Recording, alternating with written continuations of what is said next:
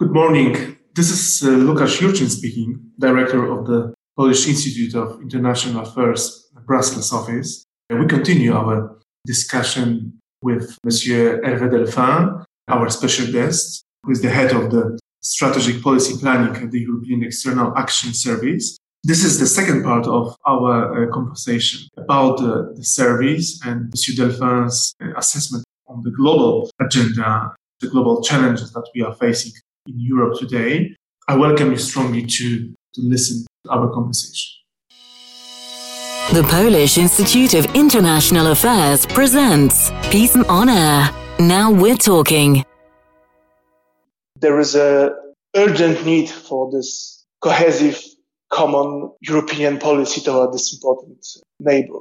That uh, all these tools that you mentioned also, the five principles, for instance, they just proved and other tools of typical for Russia foreign policies like, like even chemical attacks or territorial aggressions that it proved that Russia chooses towards European Union. That Russia selects what it wants to, to, be achieved according to a, they, its goal. And that we came to the point, even though of these geographical differences of different, you mentioned also that different countries have different historical experience and, and expectations towards Russia, different economic relations, different sensitivities also. We came to the point that this uh, more integrated policy uh, would be needed in terms of, I don't know, more consultancy before such visit that Borrell did in Moscow. I think the using the, the, the five principle in a dynamic way and testing what and each member state has its sort of Russia's uh, interest and expectations and positions. I think it's in a way not a sign of discordance. And I know that it was very much commented that efforts of President Macron were not necessarily seen positively in all European capitals, that the position of Germany on Nord Stream 2 is not necessarily seen the same way in all European capitals. But at the core of it, I think there is certainly a, as I said, fundamentally a united position about not letting Russia dividing us further, and undermining us further. So what we've seen uh, expressed in different ways for me is not a sign. I did not, I've never taken it as a sign of cacophony because if you look at parameters overall, I don't have the impression that Russia is getting the upper end. I would rather say that Russia is overplaying its hand and is reaching the limits of its approach. And, and I said, maybe they did a great service to Europe by continuing to behave this and precisely making sure that we will not fall in that trap. So that is really my assessment. And it's true that some frontline countries like Poland historically are probably more um, aware and alert to that and have developed a greater sensitivity, which in that case them right. But I don't think we should discard the various attempts to, to try to engage with Russia as a sign of discord among Europeans. I think that, again, if we were to go down that road, they simply, we were just playing in, in Russia's hand. So I think that now is pretty clear where things stand and that EU has taken, you know, human rights sanctions and that also target Russian entities and, per- and persons and different actually regimes of sanctions, whether human rights, but also in the context of, of what has happening in Ukraine, simply to telling, you know, Russia, it's a negative spiral, but it is you creating it. Not necessarily that we want it, but it's not that we will be afraid of the cost of it. And I think this is the important element. I think uh, in any, I would say, strategic, mature approach, you know that you may have some to bear some cost, but the cost have to be borne because not accepting to bear the cost would put us in a weak position. Thank you, Hervé. Let's turn to transatlantic relations now. After a few years apart, we can say that uh, the EU and the US are, are, back in a relationship. President Biden and his team have been recently using uh, their charm offensive uh, in Europe, in Asia as well. What do you think about this new momentum for transatlantic relations? In regard strategic autonomy you mentioned in the beginning. What is your opinion on that, on the future of our relations? Well, I think it's it's no secret that there was a sense of expectation and trepidation in Europe, in many European capitals and chancelleries, with the coming of this new administration and go back into business or into more serene climate for political and, and overall business. But I mean, I think it's important also to realize that even if a Biden administration has made it absolutely clear that they want to repair and revitalize the relationship with their uh, European allies, the world has changed and that Biden administration has a double uh, challenge. One inside at home to heal the wounds uh, of the past years and outside, which is the formidable challenge posed by China. And so we talk about before about economy. And I want to quote another previous uh, American president, what he said about, you know, it's the economy stupid. But I think it's important for the US, uh, first and foremost, to reinvest in its economy, its infrastructure, its recovery. That is what is underpinning this, what some said is impressive stimulus package, maybe a sort of new deal, a new Keynesian policy. But of course, for this, first and foremost, it is for the American people. And this is also what has been coined as the foreign policy for the middle class. We need to uh, understand in more details what does it mean in practice. Some are speculating that that may will it smack of protectionism or will it be simply actually about a more fair and equitable approach to the economy? So there are questions and it's true that there are also irritants that have been there that are likely to remain because we don't see eye to eye on everything. But, but there is so much that unites us, that brings us together. There is so much will and, and interest in working and joining forces together that I think, and that has been demonstrated by the many visits by now that uh, Secretary of State Blinken has paid to Europe. And we're going to have EU-US summit on the 15th of, of June. So there is a momentum now, which is there. And I think, I think it's in, in, in June indeed. And I think it will be a strong momentum for revitalizing this transatlantic relationship. And I think in that we should realize that it's good and healthy for the transatlantic relationship that we have a strong Europe.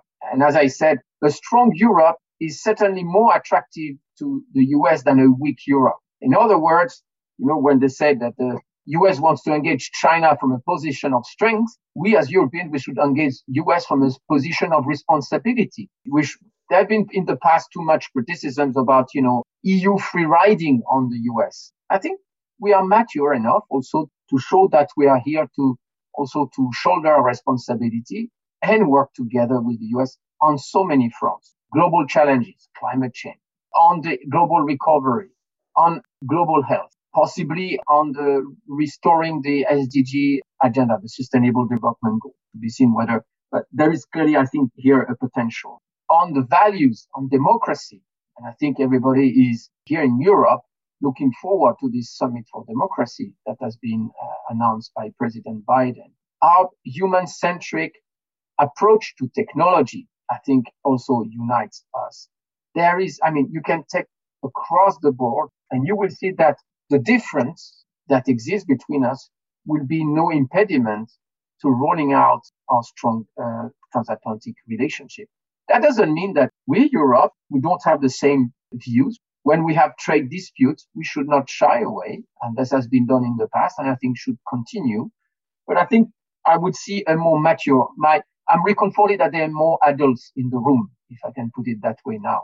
So we have this joint communication on the EU-US uh, renewed agenda.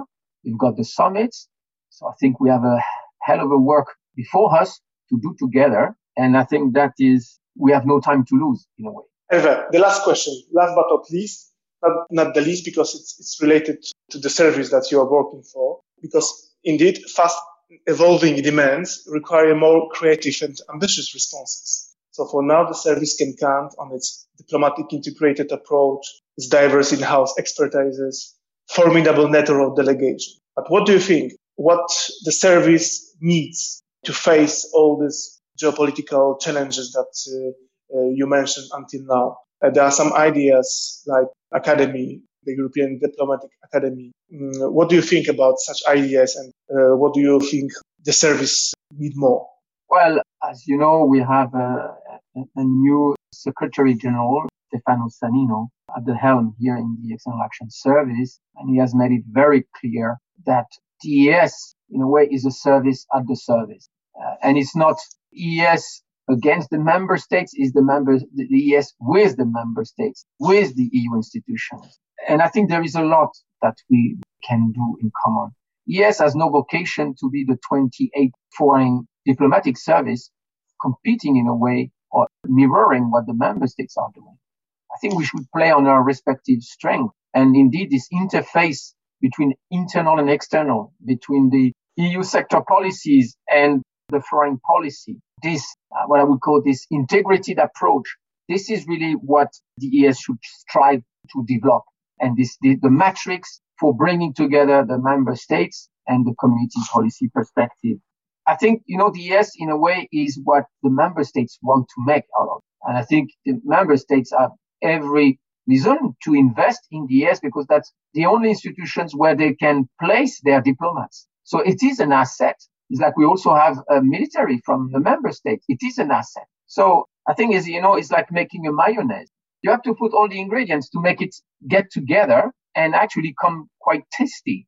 And I think this is clearly the, the ambition that our Secretary General has set out. And he has been really reaching out to all key stakeholders, member states, EU institutions, also the think tanks, and also to PISM.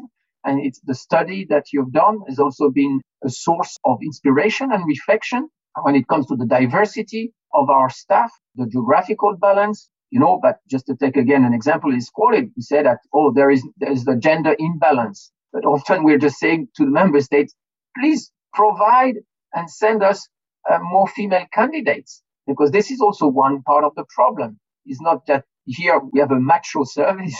it's more that, you know, to, but more generally, I think the, the ES challenge is also the challenge of every modern foreign service in the 21st century because the diplomacy has changed in its nature. We need to be versatile. We need to be knowledgeable, not if not experts in issues of uh, of technology. We've had to have a crash course in health and epidemiology. So bringing together these elements, being also to mobilize the network, this incredible asset we have with the network of EU delegations, working together with the, the missions, diplomatic missions of member states represent a tremendous asset. We should harness that potential more than we've done so far. Just look what we've done with COVID, with the repatriation of 600,000 European citizens by putting together the member states consular team, the commission and the EEAS in organizing the repatriation.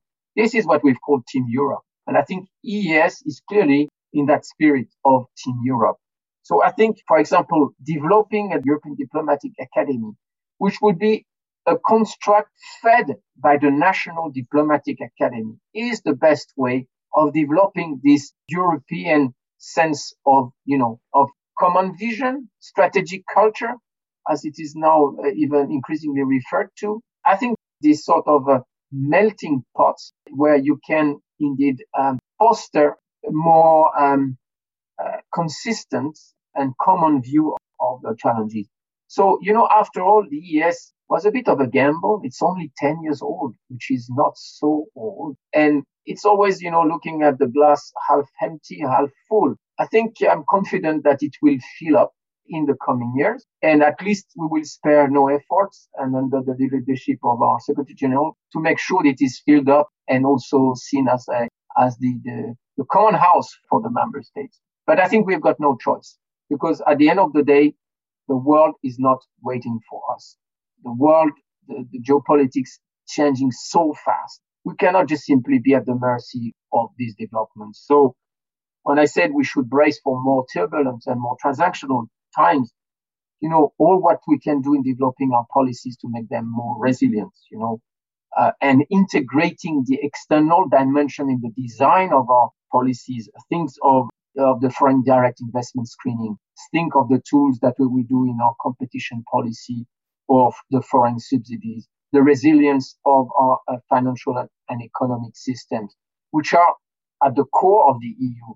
We have also something to contribute from the ES by putting this geopolitical dimension, this external dimension into the, the, the, development, the design of this policy. And conversely, our policies that which are developed at EU level should be, you know, rolled out. We should be use the ES for together also with the mission of member states for expanding our outreach, you know, our vision of AI. We just published a, a document on the human-centric vision of AI.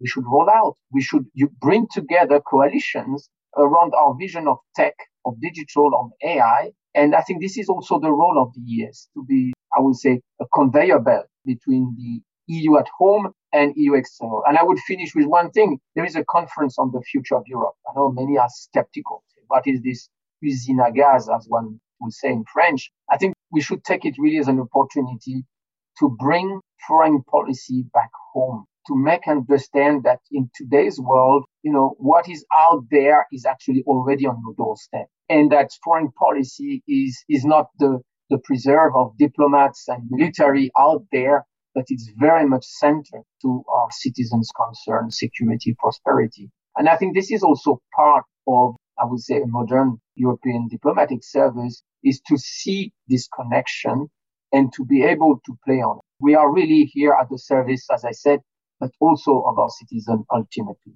I think that was a very good ending point. Hervé, thank you so much on your turn for being so full of inspiration, for your reflections, for your assessments, and in the end, for your éclairage.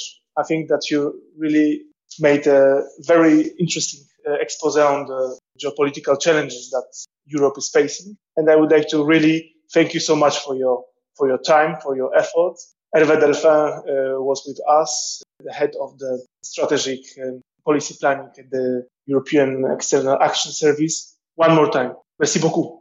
Dziękuję bardzo.